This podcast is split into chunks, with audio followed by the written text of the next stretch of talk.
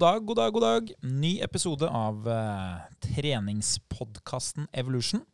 Vi uh, prøver jo å gjøre det enkelt for deg å lykkes, og nå går vi jo inn i uh, vår høytid. Den er jo veldig lang, da.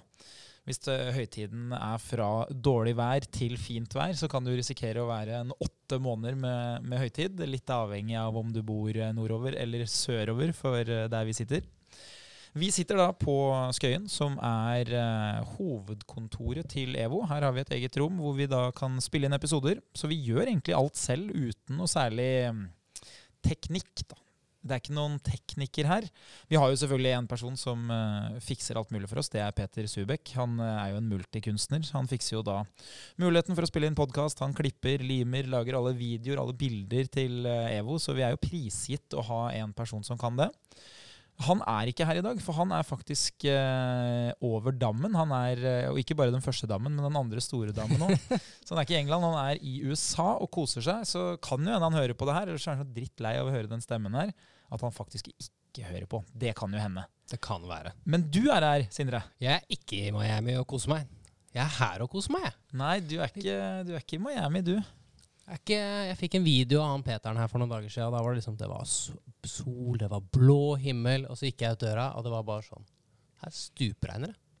Hva tenker du om eh, værsituasjonen nå på høsten? Nå har vi jo vært prega av lavtrykk lenge. Ja. Som er sånn eh, Det sto at det skulle være sol, det regna. Det sto at det skulle regne, det blei shorts. Hva tenker du om det? Nei, altså Noen ganger så blir du positivt overraska. Og det skaper jo en stor glede. Men de gangene hvor du blir negativt overraska, det Jeg må si at det er tungt. Du må ikke ha forventninger, vet du. For da kan du ikke bli skuffa. Er det det som er hemmeligheten? Du må kjøre shorts og regnjakke i støvler hver dag. Eller det fantastiske verktøyet slippers. Jeg tror Jeg har jo litt å lære. Jeg har jo en samboer som er fra Bergen. Så jeg kan vel se for meg at hun har gått med denne uniformen der et par ganger før. Men det ligger langt inne, altså, Andreas. Jeg får slippers, vet du. Da blir du ikke bleit på beina. Det er kanskje ikke alltid like passende å gå uten sokker, men uh, det er en mulighet. Linnea, det hadde jeg aldri gjort. Hadde du? Vi har med oss en gjest til. Velkommen, uh, Linnea.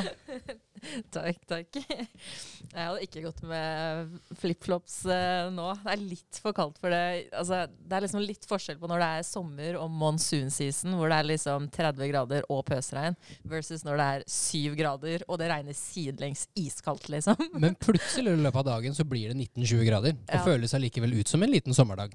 True. Ja, Fram til sola går ned, da. Ja. Jeg uh, sier som en uh, nordnorsk venn av meg ville sagt, uh, det handler om innstilling.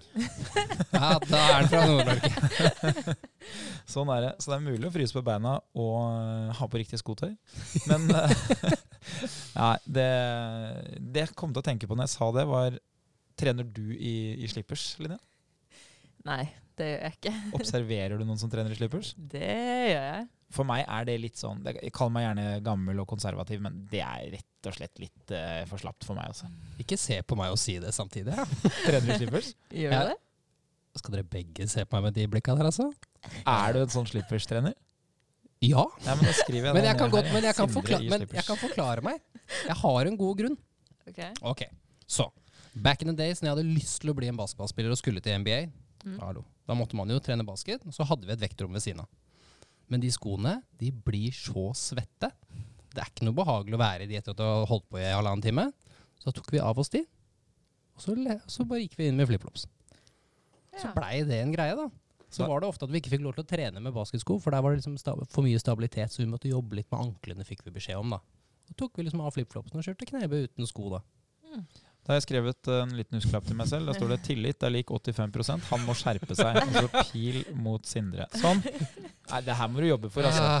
Du, er du 16 år og kjører moped, eller har du blitt voksen? Jeg har ikke det nå. Nei da. Hvis du trener i slippers, du som hører på, bare fortsett med det så lenge du trener. Da er du i hvert fall en av meg. Vi kan være på samme lag. Åpenbart så er det jo to andre her som ikke er med oss. Men vi kan lage en sekt. Okay. Flip-flop-gjengen. Dette ble bedre enn jeg hadde sett for meg. Vi uh, skal jo da over til uh, veldig sånn treningsrelatert innhold uh, i dag. Vi skal jo se litt på ulike apper som kan brukes. For app er jo noe som har kommet for å bli, vil jeg jo tro. I hvert fall for en god tid fremover. Og det er jo også noe som kan potensielt bidra til en bedre treningshverdag. En enklere enklere treningshverdag. Kanskje til og med mer effektiv og bedre resultater. Så vi skal se litt på det. Vi skal bruke våre egne erfaringer, og vi skal bruke litt sånn tips som vi har henta inn fra ulike kilder. da. Men uh, på veien dit så Du har jo satt i gang med et sånt uh, treningsprosjekt, uh, Linnea. Og veldig mange av de som jeg kjenner, de lurer litt på hvordan det går. Én fordi de lurer litt på hvordan det går med deg. Men jeg tror også mest av alt de lurer litt fordi de er litt med på prosjektet sånn på si. De prøver å få til sin første kroppsheving, da, som jeg ville kalt det. Eller chins, da, som vi egentlig eh, er på jakt etter. Fordi vi har eh, håndflatene mot oss når du skal da trekke opp kroppen over stanga. Hvordan går det? Det går, eh, det går fint nå. Eh, Jeg hadde jo en eh, stressende ti uke forrige uke. Da var det jo eksamenskjør. Men eh, nå er første eksamen unnagjort, så nå er det back on track eh, på trening. Gikk det bra? Det gikk helt OK, kan man vel si. På trening eller på eksamen? På eksamen? Trening går det litt bedre på nå. Eh, Så jeg har jo hatt et par økter denne uka her allerede, og vi er jo bare tre dager inn i uka, så det er jeg ganske fornøyd med.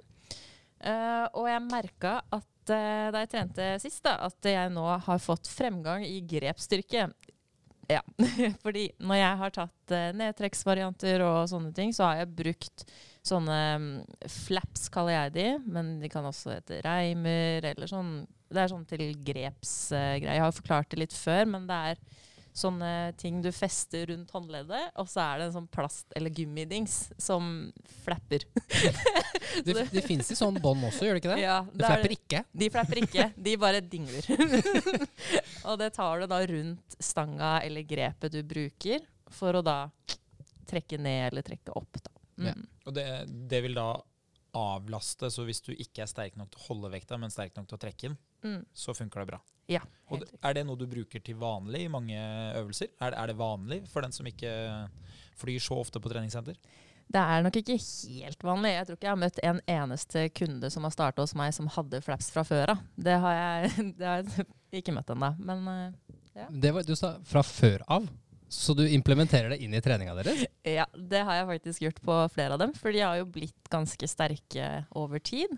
Og da merker vi at når det er liksom fingrene som stopper dem i å øke i f.eks. nedtrekk eller markløft, så anbefaler de å kjøpe flaps. Først så sier jeg prøv mine, og så bare Oi, shit, jeg klarte å ta ti kilo mer! Jeg bare, jeg, ikke sant?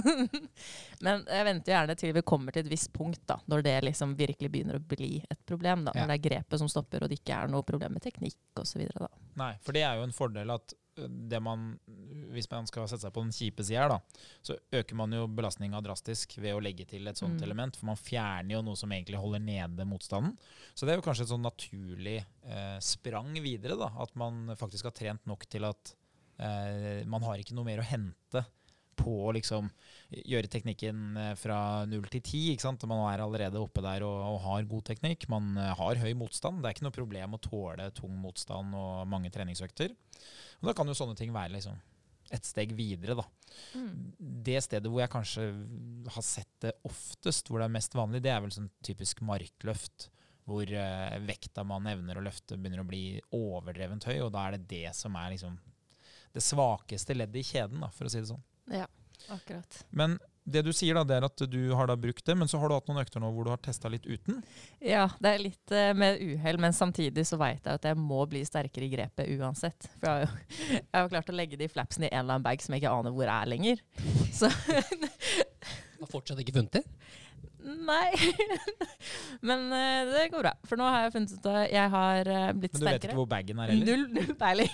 Og der ligger det et par sko også, så det kan være Så deilig å ha et sånt liv. Jeg uh, har litt for god detaljkontroll til å kunne finne igjen noe og kjenne en glede på at jeg har fått noe som jeg egentlig eide og hadde før. Men jeg har sett at du trener på litt forskjellige EVO-sentre om dagen. Ja. Kan det være at det er en sånn skattejakt nå? At det ligger i et eller annet EVO-skap? Det, det kan hende. Ja. Men jeg, jeg tror ikke Jeg tror det ligger i en eller annen bil eller et eller annet hjørne ja, en leilighet eller et eller annet sånt. Altså, det er kaos. Livet mitt er kaos. Du kommer til å finne når du minst venter det. Sånn neste sommer, når jeg klarer jeans og sånt. Det er jo starten på høysesongen, og høysesongen til treningssenterbransjen den avsluttes jo til påske. Så det kan jo hende at vi starter jakten på flaps her, og det ender med sånn eh, påskekrim eh, en eller annen gang i starten av april. Det, Det skulle tatt seg ut. jeg gleder meg til å få litt oppfølging på den eh, flaps-casen.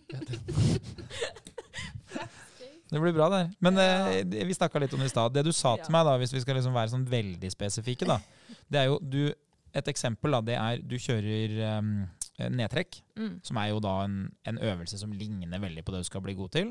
Men så er det den store fordelen at det er enkelt å legge um, premissene for riktig belastning. Fordi i nedtrekk så kan du jo bare ta den der pinnen, som det veldig ofte er da i vektmagasinet, og sette på denne vekta er jeg god nok til å klare f.eks. ti ganger. Og så vil du da få riktig volum. Mens hvis du hadde begynt å skulle tatt uh, kroppsheving, da, og hvis du tar null, så blir det jo ikke noe volum i det hele tatt. Og hvis du da bruker strikk, så er det liksom litt prisgitt at den strikken var riktig. For det kunne blitt to repetisjoner eller 40, litt avhengig av om den er eh, sterk eller svak. Og så er det ikke veldig enkelt sånn teknisk å henge og dingle med den strikken sånn veldig lenge, i hvert fall ikke i starten. Men da sa du at du hadde tatt da 48 kilo, åtte ganger, tre serier. Ja. Ikke sant? Og hva er det som skjer når man tar av seg de flapsene? Det er jo at grepet blir litt Man blir litt ekstra sliten i hendene, og det blir litt vanskeligere å holde igjen den eh, vekta, for den vil jo fly opp, ikke sant. Eh, så nå som jeg ikke har hatt de flapsa, nå som de er på sitt eget eventyr ute i Vetasøren søren, så har jeg fått testa Så jeg måtte gå ned i vekt, da. Og før så har jeg alltid klart 40 kilo, 10 ganger 3 ish, med, uten flaps. Uh, men nå så testa jeg 45, fordi 40 kilo er altfor lite for meg akkurat nå. Så da ble det 45, og da klarte jeg 80 ish uten flaps.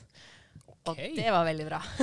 Du er inne på et veldig, veldig viktig poeng her. da. Det er egentlig det jeg ønsker å få frem. Og det er at hvis du skal ha kontroll på hva du gjør, eh, og at du skal vite at du blir bedre, og at det du gjør faktisk er tyngre, som er det viktige for å skape progresjon, da, at noe blir tyngre over tid, så må du sammenligne epler med epler og pærer med pærer, som vi egentlig ser her. For hvis du nå hadde trent med flaps, du hadde trent uten flaps, og du ikke hadde hatt så mye kunnskap om det, så kunne man da sagt å ja, du har blitt svakere. Mm. Du trener, du blir svakere, for det har du jo blitt hvis du måler vekta som du trekker og antallet ganger. Men jeg vil jo tippe at basert på den erfaringa som vi eh, har, og, og det man vet fra, fra liksom studier som er gjort, så er jo det å fjerne eh, på en måte grepsstyrke som et element, det er jo en fordel. Mm. Så sånn sett så kan man si at du mest sannsynlig har blitt sterkere selv om du løfter mindre. Ja. Kult. Nei, det her eh, blir spennende å følge. Det er både prosjektet om eh, chins, men òg det derre flaps-mysteriet. Det- Begge deler kommer vi tilbake til. Eh, vi kommer også tilbake med en video eh, i den videoserien, så folk kan da henge med på eh, det å lære seg å ta sin første pullup eller chin, eller kroppsheving, da, som det jo kan hete. Du, Sindre. Heisan, heisan. Du eh, kan jo faktisk ta uh, Så hvis jeg skal skryte litt av deg etter å ha sabla deg ned her for å trene i slippers Du kan jo faktisk ta ganske mange chins med vekter. Jeg svarer ja hvis jeg går opp 5-10 på den tilliten. Ja, nei, du kan få 5% for det. Ja, det er helt Eh, riktig.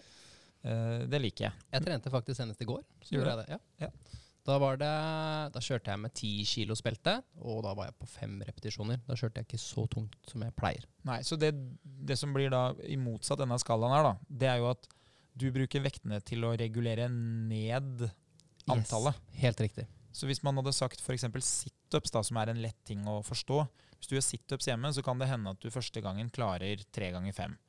Og så andre gangen klarer du tre ganger åtte, og så klarer du tre ganger ti. Og da er du jo inne på en belastning som vi vet er veldig fin for å utvikle muskelmasse. Yes. Men så fortsetter du med det hjemme, da, så blir det tre ganger 50, og så blir det tre ganger 70, og så blir det tre ganger 100. Og da er du plutselig inne og egentlig driver med en litt sånn rar kondisjonsøvelse på en liten muskel. Helt riktig. Så når du da kjører chins, eller om det er pullups, Ja. så legger du på vekter for at du skal holde deg innafor det segmentet. Det er helt riktig. Jeg har jo Akkurat som du sier, så kommer man til et punkt hvor nå må jeg bare gjøre det til det blir slitsomt. Altså jeg må bli sliten. Og det er ikke det samme som at muskelen Nå, nå går det ikke mer, nå er det tungt. Og det er jo det jeg er ute etter. Jeg vil jo bli sterkere. Og jeg vil jo bli lite grann større. Ikke for mye, for jeg liker å bevege meg lett. Jeg er jo en løper, tross alt.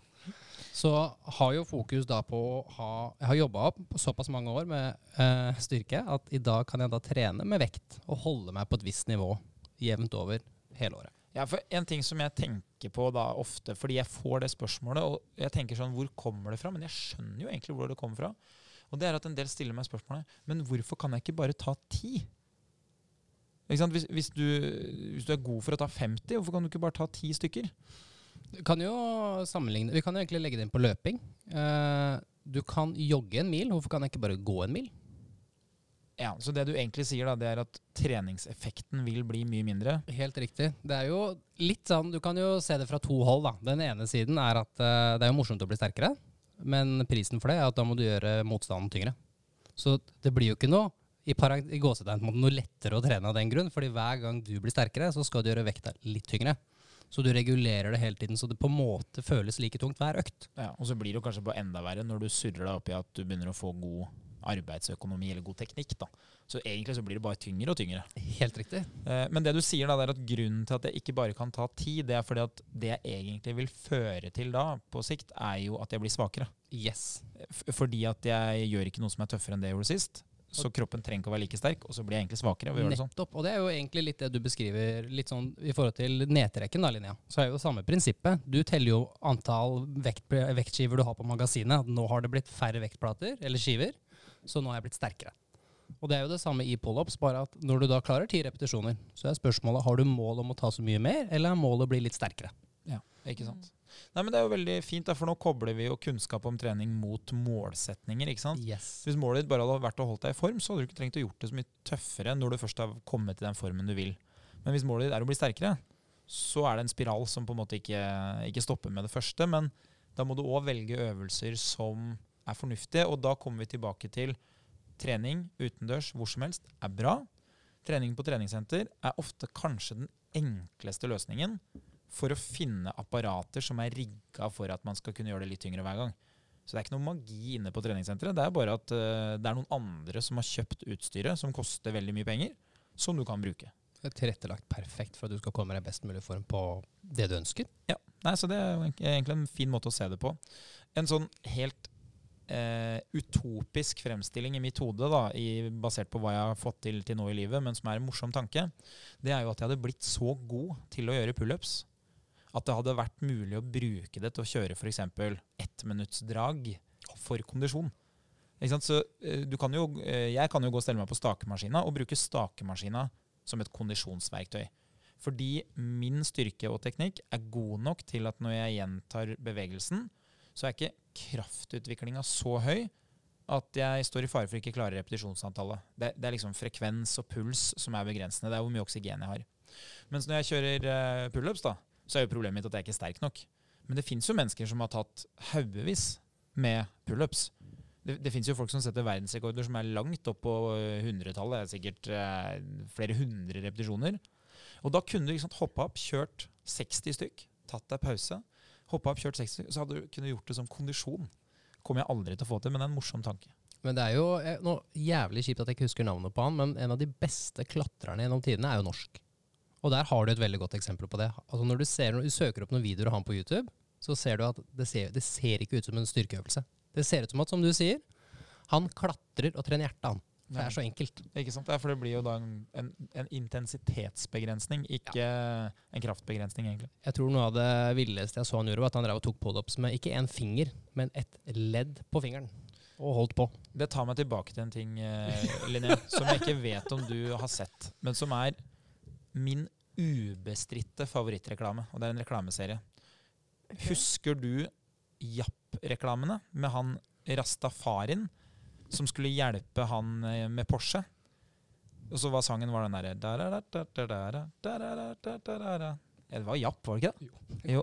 Jeg kan ikke Og- det. Nei, og da var det jo sånn Han eh, gamle hvite mannen over 50, han var jo da kjempesliten og står da tøyer. Nå har Sindre dratt opp den videoen, den er jo helt, helt nydelig. Så han står da og tøyer inntil bilen sin, og så kommer det da en rastafari kjørende i en litt sånn sliten eh, pickup. Og så tror han da at han gubben som står og tøyer inn mot rød Porsche, eh, trenger hjelp. Så han går da bare ut av bilen og hjelper han da bare å skyve den Porschen utfor kanten. Og så er det en, det her er en hel serie, da, ikke sant? Og den andre det er at han tar pushups på stranda. Så da tar han med to hender, én hånd, og til slutt uten hender. så det, vet du hva, jeg, eh, Ikke at jeg skal sitte her og fortelle om sjokoladereklamer, men akkurat det der Japp-greiene er- og nå, nå fikk du noe av meg! Det her hadde du ikke sett før. tusen takk. Ja, det her er jaktreklamen er helt legendarisk. Jeg ble så glad når jeg så det var mange som ikke var sendt på norsk TV. For da hadde du mer å få med. Ah, fy flate, da var jeg tilbake i Det må være tidlig 90-tallet eller noe. Det er jo eldgamle reklamer. Så det er en kul greie. Men det jeg egentlig skulle fram til, Sindre Ja. Du er jo i gang med basket. Det, Det er det er det du driver med på vinterstid. Ja. Du har jo vært eh, god i basket. Ja, nok. Altså, man, jeg tør jo å påstå så, men god blant de dårlige. God blant de dårlige. Det kan jo hende jeg må gi deg ti poeng her, for det kan hende jeg nå tok fra deg Det kan jo hende du er god. Det eh, har jeg jo ikke avklart med det. Det er to uker til første kamp, så vi får se. da. Jeg tror egentlig ikke det sjøl. Nei, men du spilte Eliteserien før. Ja, Det, gjorde jeg. og det gjør du ikke nå? Nei. Nei, ok, Nei, men da, da er jeg ikke helt på jordet. Nei da, jeg når jeg snakker om fortid. Eh, det som var kult, var at du sendte meg et bilde fra da eh, et stort oppgjør, et eh, derby i eh, Bergen. Ja. Uh, Frøya mot Gimle, og de valgte da å spille en annen hall fordi de skulle ha litt folk på tribunen. Helt riktig. Så de spilte da i hallen til Fana.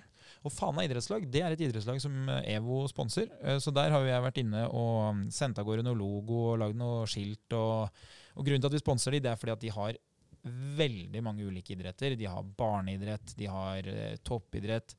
De gjør en veldig god jobb. Det er et av Norges største idrettslag. Og sånne ting syns jo vi i EVO at det er ganske kult å sponse, fordi det bidrar til at veldig mange mennesker er fysisk aktive. Ja. Og så er ikke vår hensikt i så stor grad å få tilbake noe fra idrettslaget. Vi vil gjerne bidra til det, og så vil vi gjerne at lokalmiljøet vet at det finnes et treningssenter der, så de som ønsker, de kan trene. Men en av de tingene som et treningssenter ofte kan gjøre fordi eh, man vil gjerne ha en økonomisk byttehandel, det er vi kjøper et skilt i deres idrettsanlegg, f.eks. hall eller på stadion, og så får de en sum penger av oss som er mye høyere enn da prisen for å betale for skiltet. Så vi har jo da fått opp et skilt, og når du sendte meg de klippene, så står det jo da EVO og lyser under den basketkampen. Så det var jo en morsom kombinasjon av det du driver med på fritida, og det du driver med til vanlig. Altså Der sitter jeg og storkoser meg med TV-en og kamp og har liksom lagd middag, klar å spise tacoen min og har det som plommen i egget. Tenker ikke på jobb i det hele tatt. Og så plutselig så bare Evo. Evo. Og den er på så mange av klippene, fordi der kameraet går, så ser du den logoen hele tiden. Så det er veldig kult, og man føler seg litt stolt når man tenker at wow. Så du går rank i uh, slippers inn på neste baskettrening. Om jeg gjør! Stolt! Det Meget bra. Det siste vi snakka om, som var også egentlig en greie som Sindre dro opp her, da, Linnea, og det vet jeg ikke om du har fått med deg, men uh, Adidas kom jo med nye løpesko. De var jo på VG, så det er derfor vi, det, er ikke, det er ikke en skospalte der. Men de skulle da koste den nette sum av 6000 kroner. Kunne du tenkt deg det? Joggesko til 6000 kroner? Altså Hvis de får meg til å løpe maraton under to timer, så hadde jeg selvfølgelig brukt de penga. Ja, du er jo inne på noe her, da. fordi eh, når nyheten ble slept, så var det jo sånn hinsides pris, da. Ja. Fordi det som er spesielt da, med de skoene, det er at eh, det de holder, er ett maraton. Så de lover at de holder da i 42 km, og så vil de ikke være like bra etterpå. Og det er jo litt sånn spekulativt, og kanskje ikke så god investering. Nei. Men det som skjedde da i Berlin Marathon, som gikk nå i, i helgen, var jo da at uh, det var en kvinne som da satt ny verdensrekord med to minutter. Det er så sjukt. To minutter. Og Oi. det er hinsides. Jeg husker ikke hva tida blei, men kan det ha blitt noe sånn som 2.11,48 eller noe sånt, da, som er hinsides for damer. Uh, og så er det jo en forskjell på hva damene løper på og hva menn løper på. Det skyldes jo bare at eh, menn har litt uh, større lunger, litt mer muskelmasse, litt mindre fettmasse, litt høyere kropp ofte. Så er, menn løper fortere enn damer. Men for å si det sånn, at distansen mellom menn og damer, den er krympende. Mm. Den, eh, den er på vei ned. Nå er den jo snart under ti minutter. Og det er nok den laveste differansen som har vært, tror jeg, altså, hvis jeg husker riktig. Det er helt sjukt. Ja, det er ganske sjukt. Så for Adidas sin del da, så var jo plutselig det å selge sko som varer én gang til 5000 kroner, det, eller 6000 kroner, det var jo et skup plutselig. da. Har du sko til 6000 kroner? Nei. Ikke slippers heller? Nei, nei, jeg har ikke det. Du får jo, så, du får jo kjøpt sånne fancy slippers til 2000-3000 kroner, jeg har sett, som har blitt veldig poppis. Eh, Har du det? Eh, Det har jeg ikke lagt Ja, merke det til. fins. Ja, for Sånn jeg sånn gummislippers. Jeg, Det fins. Det stemmer. ja, for jeg bare bruker sånne happy flops jeg, til sånn 300 kroner. Det syns jeg var en investering. Ja, ja, jeg har jo i mange år brukt sånne Jesus-tøfler, sånn som er mellom stortåa og denne siden. Birkenstocks? Nei, å ja, ordentlig? Nå er jeg på Birkenstocks, faktisk. Jeg var jo en flipflop-tilhenger lenge ute på fritida, men det har blitt Birkenstocks nå. Sier du at det heter det ikke Jesus-tøfler? Er det Vet du hva, Det er så morsomt at du sier Jeg holdt en camp jeg, i fjor sommer, eh, og da skulle jeg vise noen hoppedriller. Og så hopper jeg jo helt OK tålelig høyt, og da sier han ene gutten Det er Air Jerusalem! Air Jordans Jeg eh, meg og tenker Faen, der er du kjapp i hodet, altså. Han bør jobbe i en markedsavdeling. Definitivt. Ok, la oss uh, gå bort fra dyre joggesko og uh, hoppeslippers til uh, noe som er litt mer matnyttig for den som skal eh, ut og trene.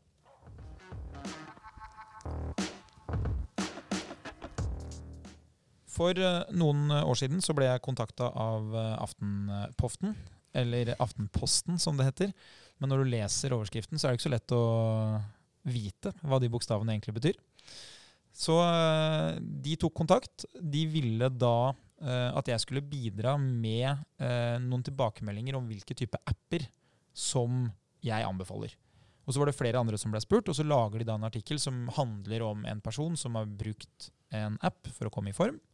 Og så lager de da en, en, en spalte i den artikkelen som er 'Dette er ekspertenes anbefalinger'.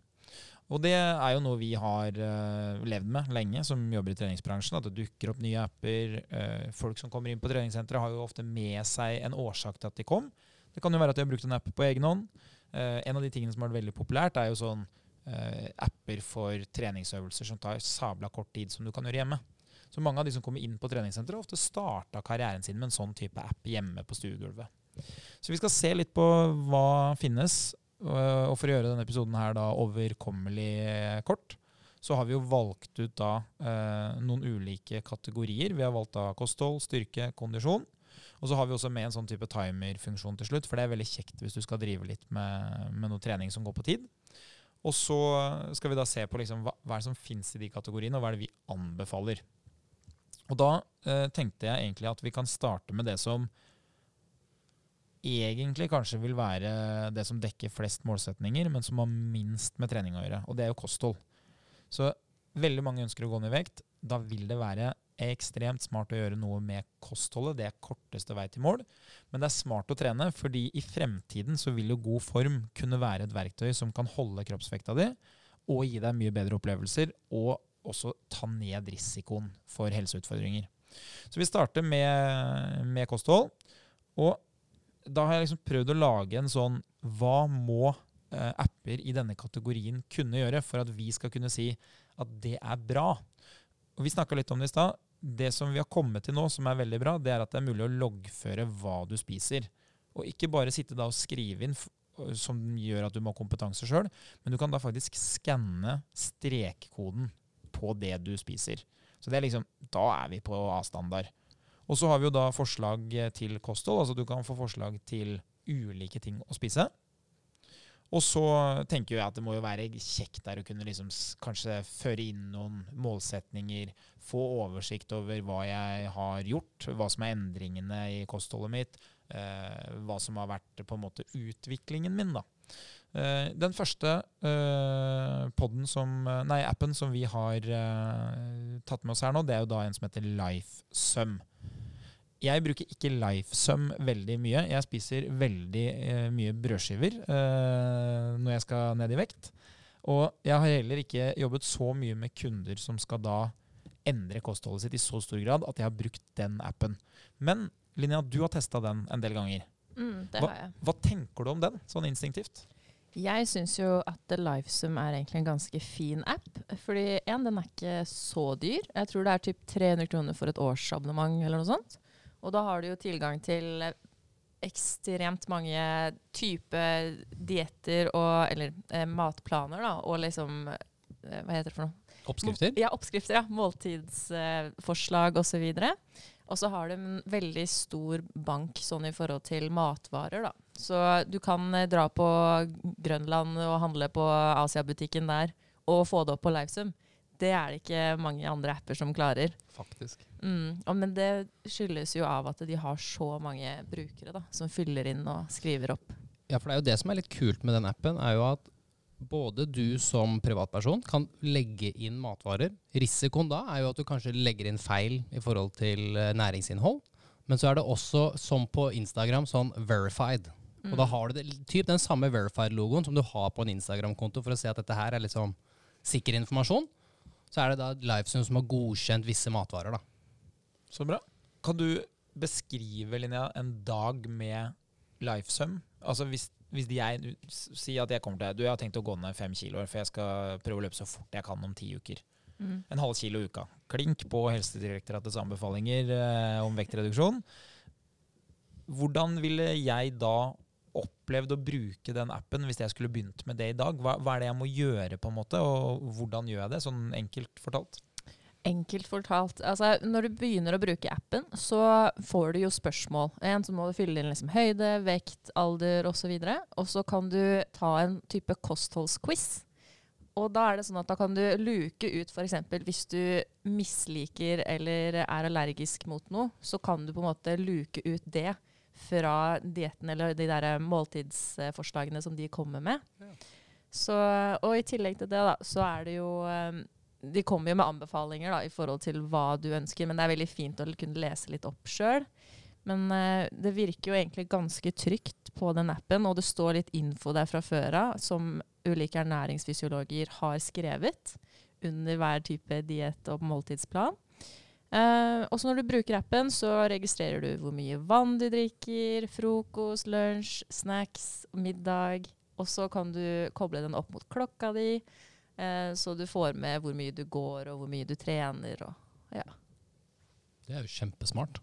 Ja, det høres jo ut som noe som, som er mulig å, å på en måte få til, da, for det har jo vært min opplevelse fra tidligere. Nå begynner det å bli mange år siden jeg gikk på idrettshøyskolen, men der hadde jeg jo da eh, et eget fag som var kosthold. Eh, cirka, jeg tror det var 30 studiepoeng, så det var et halvt år da, hvor vi jobba med kosthold. Og, eh, først testa vi jo på egen hånd, jobba litt med ulik kompetanse rundt hva som er smart å spise. Og så jobba vi litt med hvordan man skulle veilede andre. Og det jeg opplevde da, var jo at på det tidspunktet så hadde ikke digitaliseringa kommet langt nok. Så én, det var jo da mye å sette seg inn i, og to, det var jo ekstremt mye å gjøre bare for å kunne loggføre. Så det hadde nesten vært lettere å gått motsatt vei og sagt eh, jeg skal bare spise dette. Altså da lagd helt strikte matplaner, istedenfor å ha friheten til å kunne velge eh, å lære da, underveis. Eh, den appen, bruker du den også på kunder, f.eks.? Eh, ikke enda, for jeg syns egentlig den er ganske fin, og jeg pleier å anbefale det til kundene mine.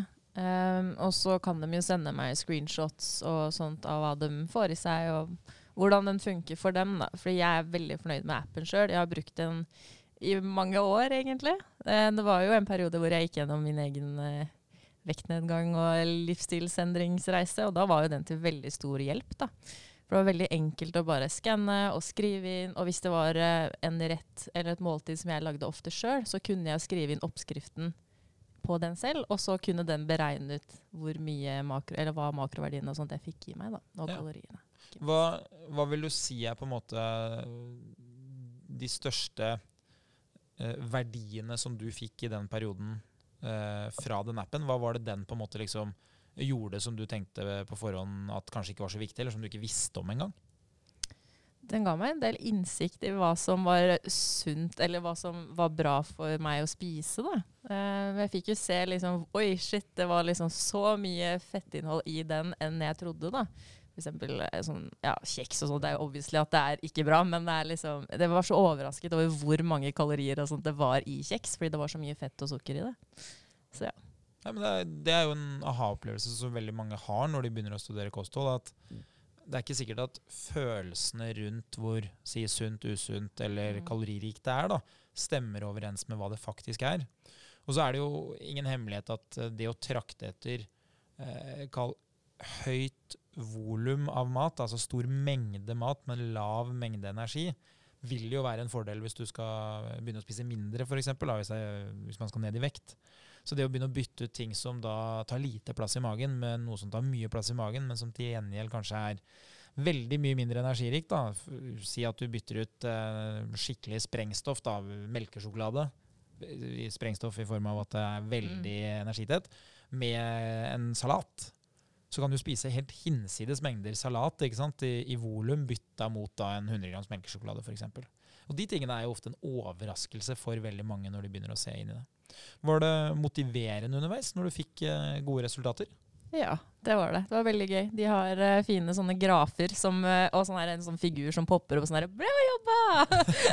jeg var sånn Yeah, nå har jeg vært flink. Så bra. Det er jo en beskrivelse jeg kjenner igjen både fra når jeg selv på en måte Sånn som nå da, Før jeg skulle løpe maraton, så var det jo en konkret målsetning å gå ned noen kilo. Og da bruker jeg jo kroppsvekt én gang i uka, på samme tidspunkt. Og så blir jo det selvfølgelig noe som på en måte påvirker meg også i løpet av dagene imellom. For jeg tenker sånn Ok, denne avgjørelsen den har jo betydning for det som jeg har sagt at er viktig for meg, og det er jo at jeg skal prøve da å gå ned en halv kilo i uka. Og så skal jeg gjerne da gjøre det ganske tidlig, fordi jeg ønsker jo ikke å drive og gå så veldig mye underskudd rett før jeg skal konkurrere. Det er på en måte ikke da man har lyst til å være litt sånn slapp og sliten. Og da må man gjøre det tidlig, og da må du jo, hvis du veier det samme hver dag, eller du veier litt mer hver dag, så er det jo ganske tydelig at jeg må gjøre en endring. Eller så skjer det ikke av seg selv, på en måte. Så da kjenner jeg jo på det at man blir motivert når man liksom mestrer de oppgavene man har uh, satt seg. Da. Du Sindre, du har jo brukt da både Livesum, men du har også brukt en annen app som er veldig populær, og den heter jo da MyFitnessPal. Stemmer. Det er jo samme app i forskjellig forkledning, altså uten at jeg skal si det sånn for sikkert. Men appene er helt like og har det samme prinsippet. Det hjelper deg å loggføre maten. Det er lett å skanne matvarene. Så gjør det at du får oversikt over hva du har spist, eventuelt også hva du skal spise. Så jeg har jo flere kunder som bruker dette aktivt. Eh, og de bruker det ofte på to forskjellige måter. Det var en kunde som vi fant ut at det letteste for han, og det var fordi han hadde en litt sånn hektisk hverdag, han var, på for, han var på veldig mange forskjellige steder i løpet av en dag og visste aldri helt hvor han skulle. Fordi arbeidshverdagen var som den var. Så det han gjorde da kvelden før, var at han skanna inn alt han burde spise i løpet av dagen. Og da vil du jo se totalen på kaloriene, for man har jo satt inn sånn som du beskriver, Linnea. Man har jo satt inn at dette her er målet mitt. Så da kunne han bare følge matplanen sin. Ja. Nå klokka åtte spiser jeg dette, da har jeg fått med meg så mye proteiner og så mye kalorier. Og så fortsatte han sånn utover dagen da, for å sikre at han ikke spiste mer enn han skulle. Nei, det er jo det man ofte ser da i ulike kostholdsplaner. at Hvis man finner seg ulike dager for eksempel, da, og man har et oppsett som funker, så er det lettere å holde seg til det oppsettet enn å drive og eksperimentere hele tida. Fordi eksperimentering kommer jo med en risiko, og det er jo at man ikke helt vet sånn nøyaktig hva det fører til. Og dit kommer vi jo sikkert etter hvert, at man bare kan skrive inn liksom Jeg vil ha 1500 kalorier, og så får du en million norske matvarer, og vi er jo der sånn stort sett nå. Ja men du skal ha litt kompetanse for i det hele tatt komme deg dit og vite hva som er riktig. og det kan være fristende å tenke sånn ja, 1500 kalorier, det fører til en halv kilo i uka. Så la meg kjøre 500 kalorier, da. da oi, her er det halvannen kilo i uka. Og så skjønner man ikke helt at risikoen ved å få i seg altfor lite næring, det er jo eh, i verste fall veldig lite gunstig for kroppen. Uh, I beste fall så fører det bare til at du er enormt sliten hele tida. Du evner ikke å være særlig fysisk aktiv, så du kommer ut til andre enden og har ikke noe bedre form. Du har mest sannsynlig dårligere form, som gjør at du har ikke noe kapasitet til å gjøre noe bedre enn det du gjorde før, som er litt lite gunstig. da. Ja. For da har du mista helseeffekter istedenfor å få det. Så jeg anbefaler jo at man prøver å spise ca. det man bruker, og så øker man heller aktivitetsnivået, som vil føre til at kroppen er bedre eh, sånn fysisk rusta for fremtida. Eh, Bruker du MyFitnessPal mot kunder? Er det noe du liksom bruker aktivt i arbeidshverdagen? Det er det faktisk, og jeg pleier alltid å vise kundene mine begge appene. For jeg sier det at du må finne litt hva du liker best sjøl. Så jeg viser de appene, og så lar jeg de teste kanskje en uke av gangen med begge to. Og så gjør jeg de selvfølgelig kjent, så vi bruker litt av PT-timene, spesielt i starten, på å gå gjennom matvarene. Så kanskje vi enten om vi starter, starter treninga med å gå gjennom hva vi har gjort uka før, eller om vi avslutter treninga. Og rett og slett prøver å gjøre de tryggere i å forstå verktøyet. Det er litt sånn som å skulle lage et hus. Hvis du ikke klarer å bruke verktøyet for å lage et hus, så kan det bli Hvis du ikke vet hvordan du bruker et vater, så kan huset bli ganske skeivt.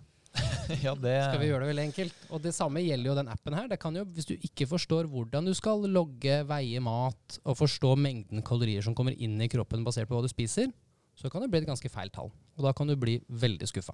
Ja, for det jeg vil tenke da, som er en reell utfordring, det er jo at uh, statistisk så vil jo kanskje en seks-syv uh, av ti som kommer inn og møter deg, de vil jo uh, enten oppgi eller da egentlig ha som målsetning at de ønsker å gå ned i vekt. Helt riktig. Og så vil jo deres kompetanse avsløre om de forstår at uh, det betyr markant endring i kosthold, eller om de kanskje er på det nivået at de tenker at hvis jeg bare trener litt mer, så kommer det til å skje av seg selv. De har ikke noe forhold til på en måte makrotallene her, da, som sier noe om at uh, du må spise energi Nettopp. i takt med forbruket. Og da tenker jeg jo at Hvis jeg kommer til deg og har lav grad av kunnskap og begynner å trene, og så veier jeg ikke noe mindre Si at jeg faktisk blir ganske mye sterkere. da. Ja. Så jeg i verste fall veier mer fordi jeg har fått i meg eh, litt mer væske til de musklene som har blitt aktive. Ja. Så vil jo det være litt gunstig for deg som treneren min, tilliten min til deg. Hvis ikke jeg forstår det, den blir jo ikke bedre. Helt riktig. Og det er jo I oppstart med nye kunder så er det noe jeg prater veldig mye om. En forventningserklæring. Hvor når vi skal bygge et hus, så må vi ha en grunnmur. Og den grunnmuren den er basert på litt forskjellige ting. Og kunnskap er jo nummer én. Du må jo vite hva du driver med, og det er jo derfor jeg har kommet inn i det her. Jeg skal hjelpe deg å sette det i system og lage en plantegning for deg. Men så skal du lære deg å spise mat. Så sånn som du beskriver det, du skal lære deg å forstå at selv om maten er voldsomt mye mer i mengde, så er den mye mindre i kalorier også. Men så skal du også lære deg å trene. I tillegg skal du trives med å trene.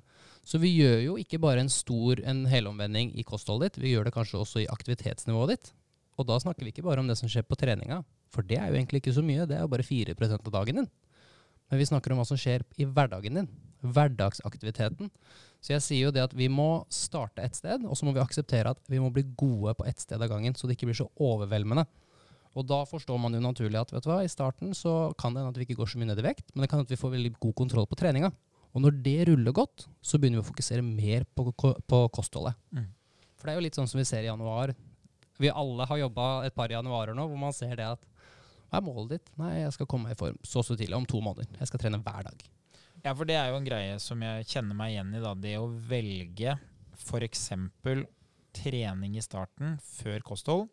Det er jo to årsaker til det. Det ene er jo at hvis du detter av kjapt, så ville jeg tenkt at det er bedre at du har med deg litt kunnskap om trening enn at jeg endevendte kostholdet ditt. Eh, og det andre er jo at tilliten til meg blir jo ofte høyere hvis jeg er i nærheten av å levere på det du hadde sett for deg. Ja. Så hvis du kom inn til meg og tenkte at du skulle begynne å trene, og jeg sier at vet du hva, vi skal ikke trene, vi, vi skal bare spise mindre, så vil på en måte ikke tilliten som etablerer en relasjon på sikt, da, den vil ikke bli bedre. Så er det litt som du og jeg har snakka om mange ganger, eh, at teori og praksis, der er det en forskjell, og det er erfaringen til personen som skal gjøre det i praksis. Så selv om teorien sier at dette er den beste måten å gjøre det på, så må vi også finne den måten du jobber best på, og deretter bygge det vi skal ha. da. Så hvis det er sånn at det er vanskelig å begynne å trene, da må vi mestre det først. Vi må like det, det må være en vane, og det tipper jeg, som du sier, hvis du faller av, da er det lettere å komme tilbake til treninga. Fordi du har forstått hvordan du skal trene. Du har forstått hvilke øvelser du skal gjøre på senteret. Og det tror jeg står i stor glede hos veldig mange, å kunne gå inn på treningssenter og vite hva de skal gjøre. Hva, hva sier de kundene som du har anbefalt eh, å bruke en sånn type kostholdsapp eh, til? Hva, hva sier de, Linnea, som eh, liksom instinktiv tilbakemelding etter at de har begynt å teste det sjøl?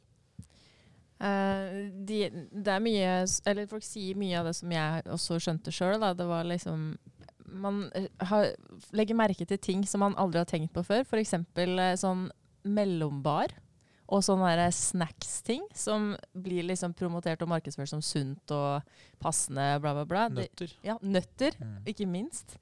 Så folk blir jo veldig overrasket over hvor, eh, liksom, hvor mye plass det tar i forhold til det som er det vi anbefaler dem å spise totalt i løpet av en dag. Da får de sånn Oi, shit, jeg spiste en håndfull med peanøtter, og nå, kan jeg, nå har jeg bare 500 kalorier igjen til middag. Det er jo helt umulig.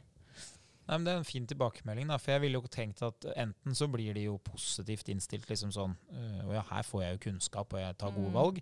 Eller så vil jo kanskje noen komme tilbake og føle seg overvåka. Eh, og jeg tenker jo kanskje det har noe med hvor langt man har kommet i prosessen rundt den målsetningen man har satt seg. Hvis du bare har sagt eh, til en PT at vet du hva, jeg vil det her fordi jeg vil egentlig ha, jeg vil egentlig ha resultatet. Jeg, jeg vil bare ned 10 kilo. Jeg vil jo ikke gjøre noen innsats. Jeg vil ikke endre noe. Jeg vil bare, jeg vil bare se bedre ut, jeg, liksom. Så tenker jeg jo da vil jo det ofte være litt sånn kjipt å møte på masse oppgaver som er vonde og, og som endevender livet. Mens hvis du liksom har prøvd et par ganger før, du har tenkt litt over ok, jeg er interessert i å gjøre min del av arbeidet her, så vil jo kanskje noe sånt være ganske spennende. Mm. Mm, det er det som skjer. For du blir jo veldig interessert i hva er det som egentlig er bra for meg, og hva er det som, er det som egentlig funker for meg. Og liksom, ja, de, de har lyst til å finne ut mer informasjon om både kosthold og trening, så de blir mer engasjert i sin egen livsstilsendringsreise. da. Så du opplever det som man ofte kaller for snøballeffekten? At de, Mm. at de begynner å interessere seg for andre ting òg, som er bra for dem? Ja. Det er veldig kult å se. Ja, bra, bra. Nei, jeg tenker jo at, uh, at det der er jo sånn klassisk problemstilling som du nevnte i stad. Det med, med nøtter og som Det er litt vanskelig fordi vi, vi har et register som er bra dårlig. Og så skal vi begynne da å sy det inn i 'jeg skal ned i vekt', som isolert sett handler om mengde og energi i den mengden. Og da blir det sånn at uh, det å spise nøtter det har mange gode bieffekter for kroppen. Men en av de negative bieffektene ved å spise nøtter er jo at det er energitett mat. Så det betyr at hvis jeg da spiser altfor mye nøtter, så vil jeg jo få den gode hensikten med de, men jeg vil også få den negative sida ved at jeg kanskje da rett og slett får i meg for mye næring.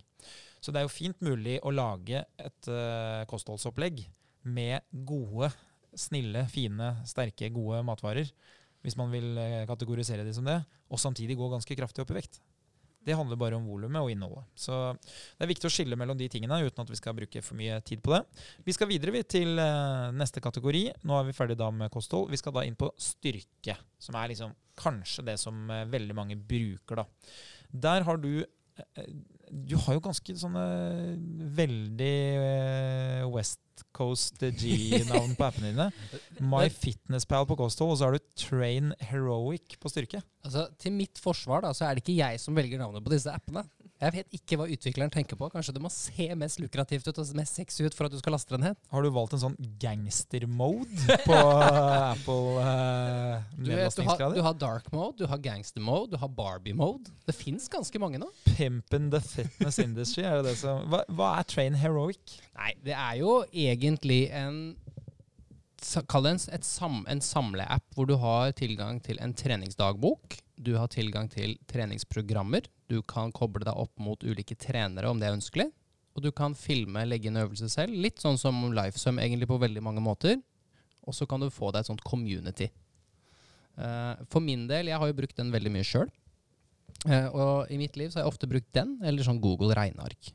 Og det er jo stort sett bare for å holde progresjon. Vite hva jeg gjorde forrige uke, og litt hva jeg gjør denne uka her. Grunnen for at jeg bruker Train Heroic, er fordi det er satt i et system som gjør det lettere for meg å kartlegge det, enn det er når jeg skal skrive det inn på et Excel-ark.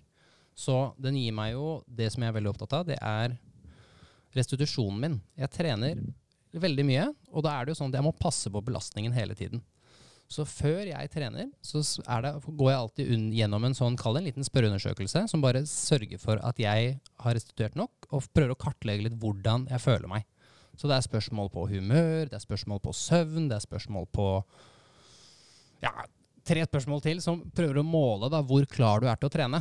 Eh, og det er jo en graf man kan følge, akkurat som progresjonsgrafen, om man blir sterkere eller ikke.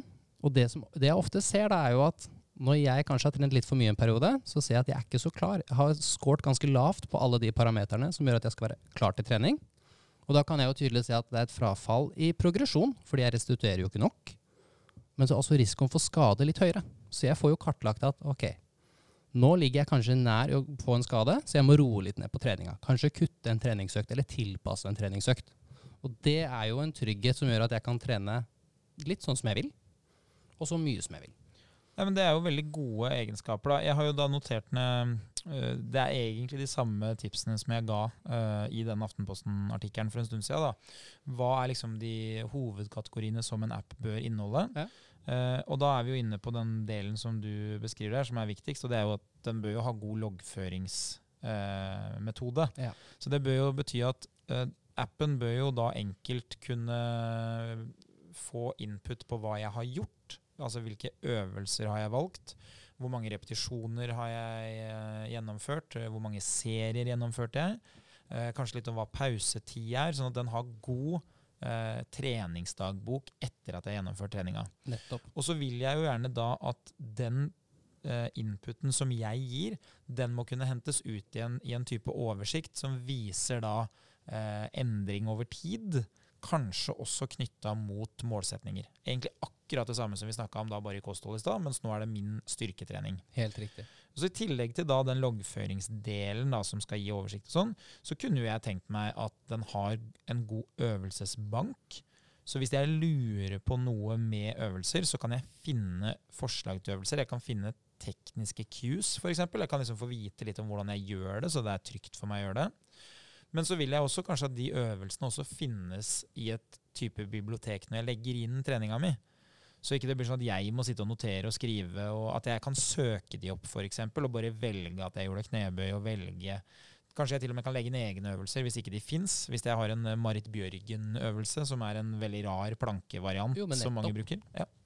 Så da kan du legge inn sånne ting. Eller så kan du kjøre en eh, Andreas Super Spesial.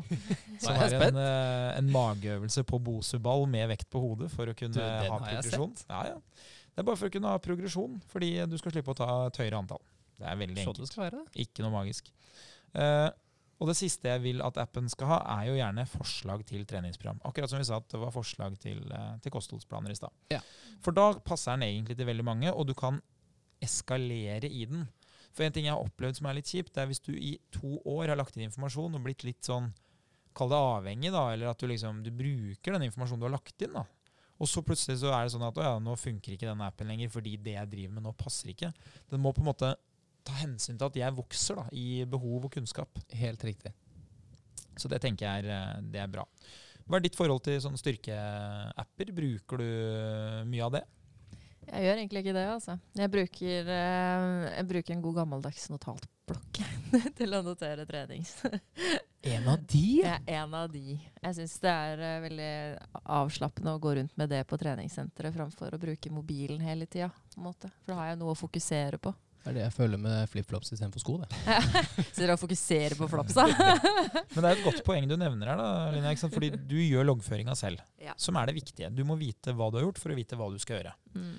Og så er det jo sånn da at i ditt tilfelle så er jo du en øvelsesbank. Og en person som kan lage treningsprogram fordi at du er personlig trener.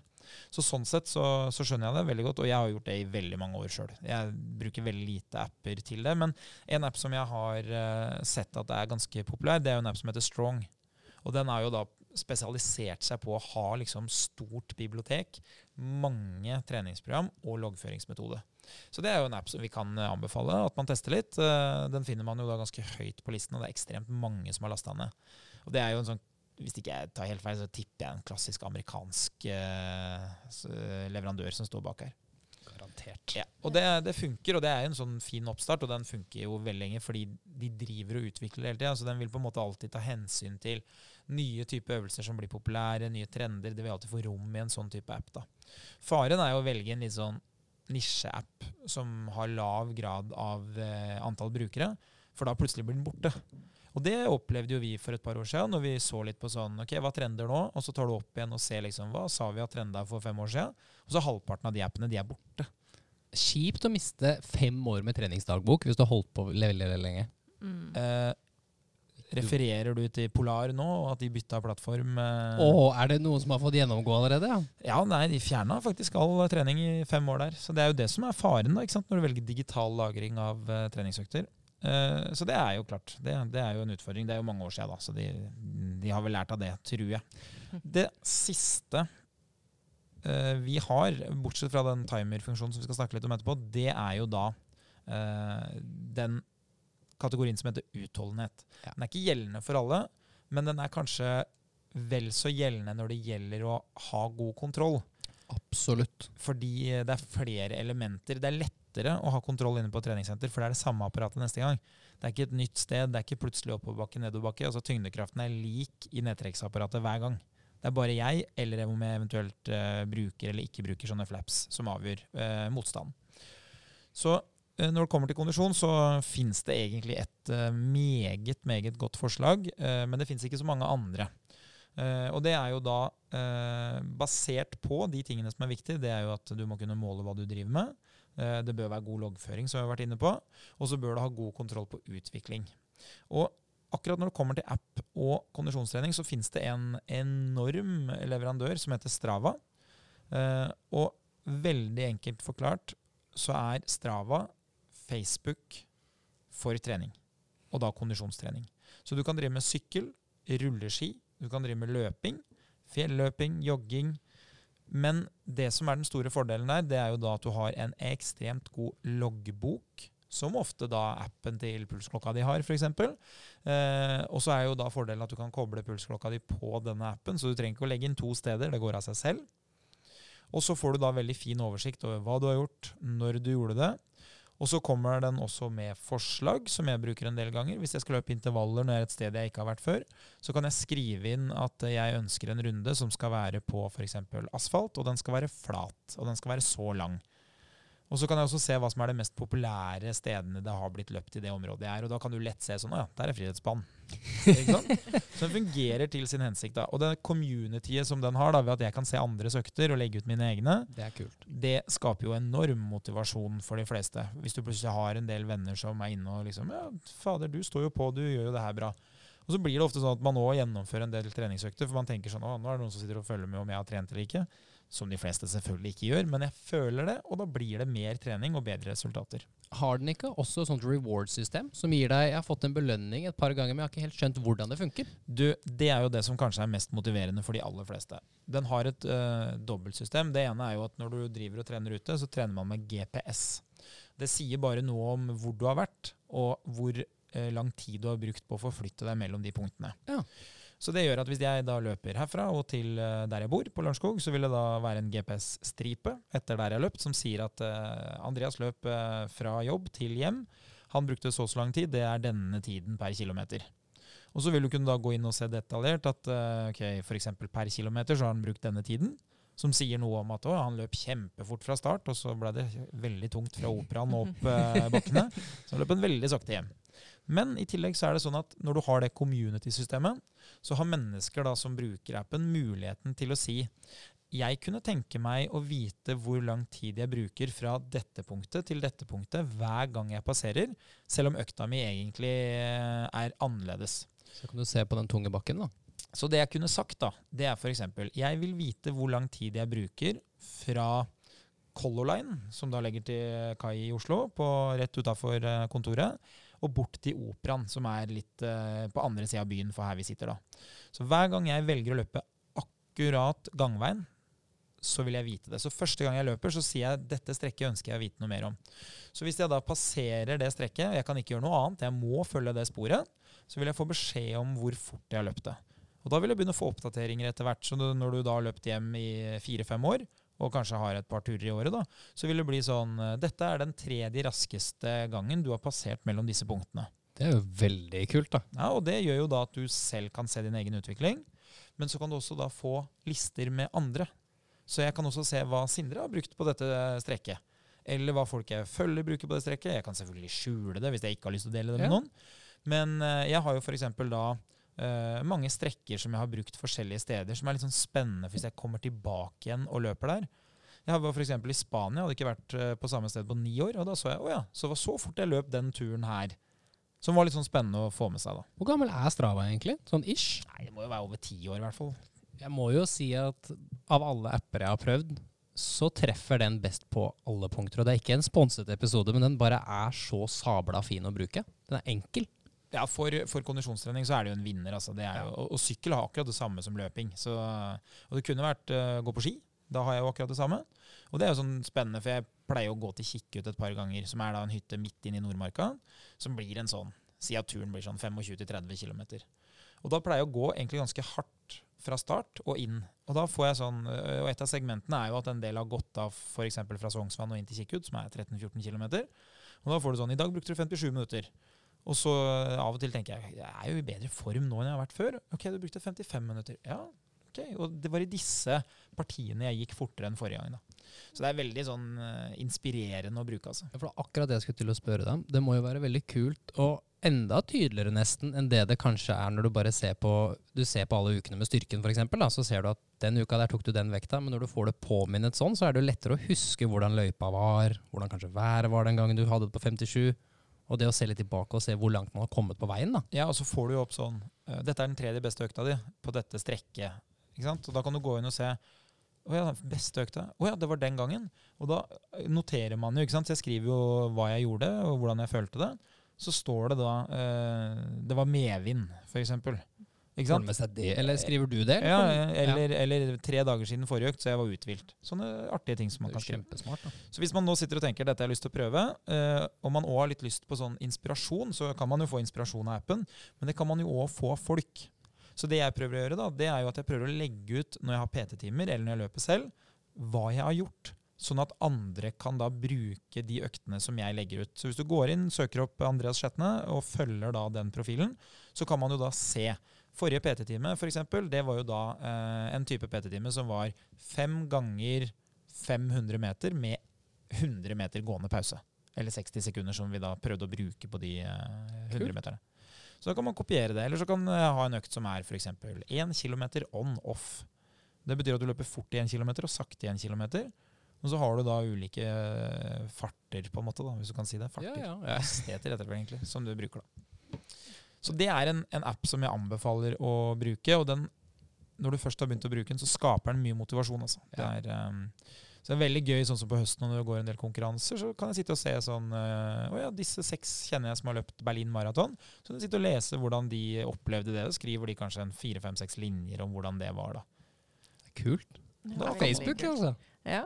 En Må holde seg litt uh, oppdatert. Og da har jeg jo sånn En som jeg studerte med på idrettshøyskolen for ja, snart 15 år siden, som bor i Mo i Rana og som løper mye maraton, det er jo en person jeg nå har en god relasjon til gjennom Strava.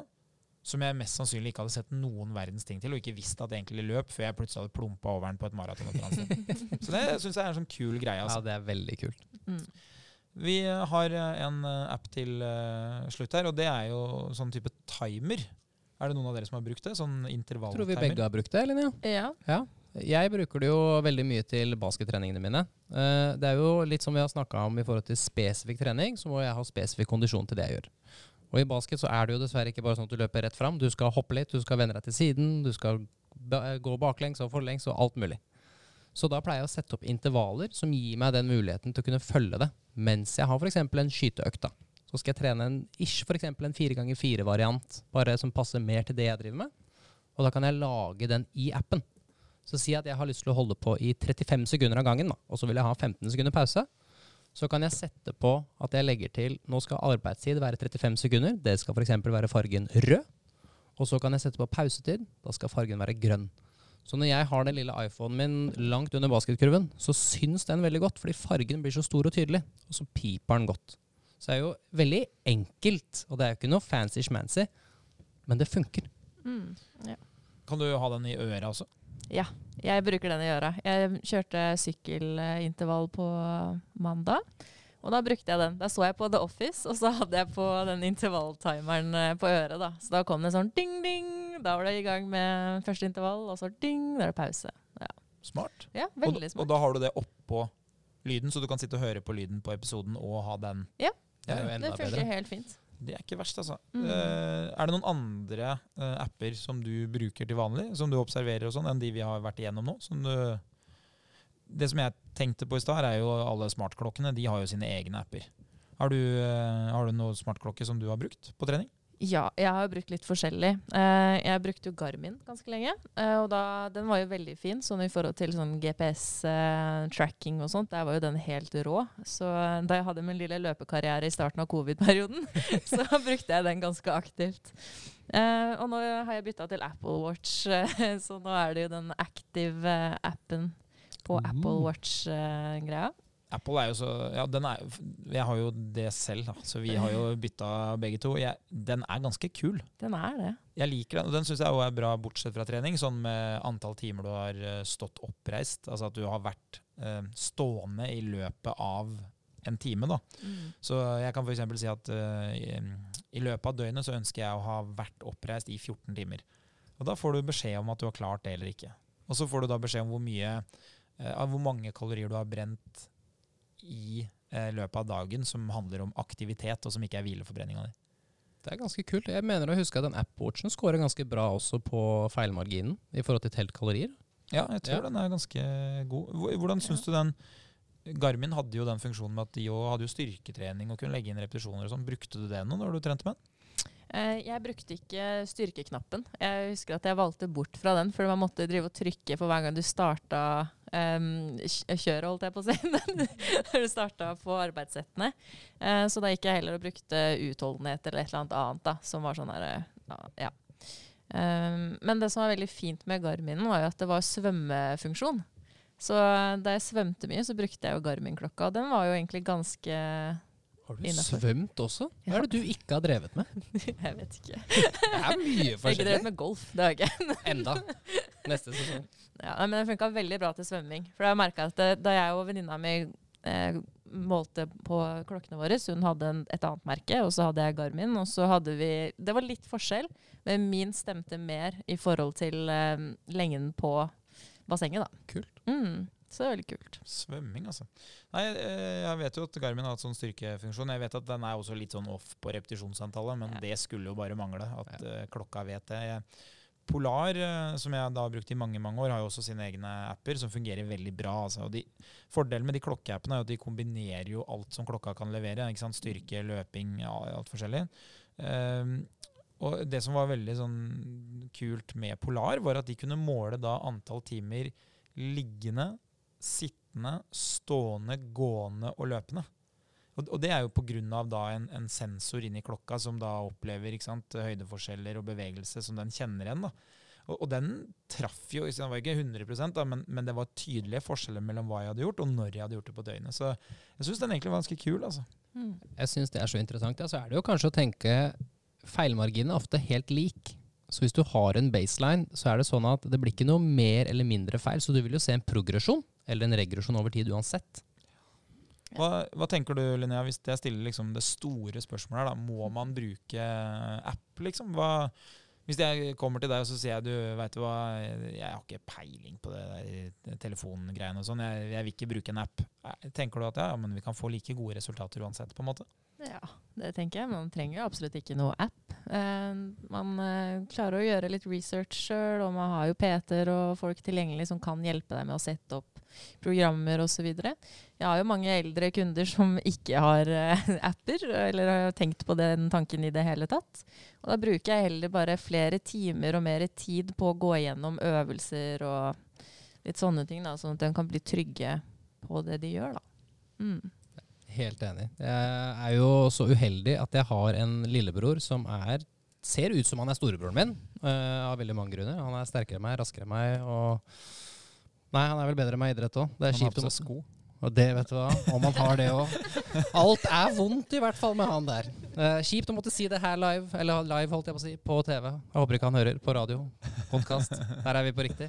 Men jeg var alltid, liksom, når jeg var nyutdanna PT, skulle jeg lære han. Du må bruke dette, du må ha program, du må gjøre sånn, du må gjøre sånn. Han har kun trent etter følelser. Så jeg skal bli så sliten, jeg skal ligge så nært maks, jeg skal pushe meg så og så mye. Jeg som bruker alle disse systemene, må være dønn ærlig og si at han er, han er i bedre form enn meg. Ja, ikke sant? Ja, nei, men det handler jo om innsats. Jeg var jo jeg var godt på vei til å være god i både knebøy, markløft og benkpress før jeg ble PT. Så kan vi jo se det på OL-rekorder opp gjennom året nå. Ja, fordi det er der jeg vil avslutte dagens episode, da. Eh, det å bruke app kan være motiverende. Det kan gi innsikt, kunnskap. Så det er jo definitivt noe jeg ville ha testa om passer for meg. Men det er ikke et krav for at du skal kunne komme i god form. Og da vil jeg minne om akkurat OL eh, 1960. Eh, Bikila 2.16 barfot maraton olympisk mester. Så glem Må du ikke ha sko til 6000? Nei, glem alt. 2.16, altså det, Det er så eh, galehus. Du blir norsk mester any day, eh, så lenge ikke de fem beste stiller opp på 2.16. Ja, det er sjukt. Tenk dere det. Ja. Tenk deg det. Mens vi tenker på det, så eh, ønsker jeg alle en eh, flott uke videre. Tusen takk for at du hører på. Håper at vi inspirerer deg til å ta gode valg i din hverdag. Så vi ønsker bare å si lykke til med treningen.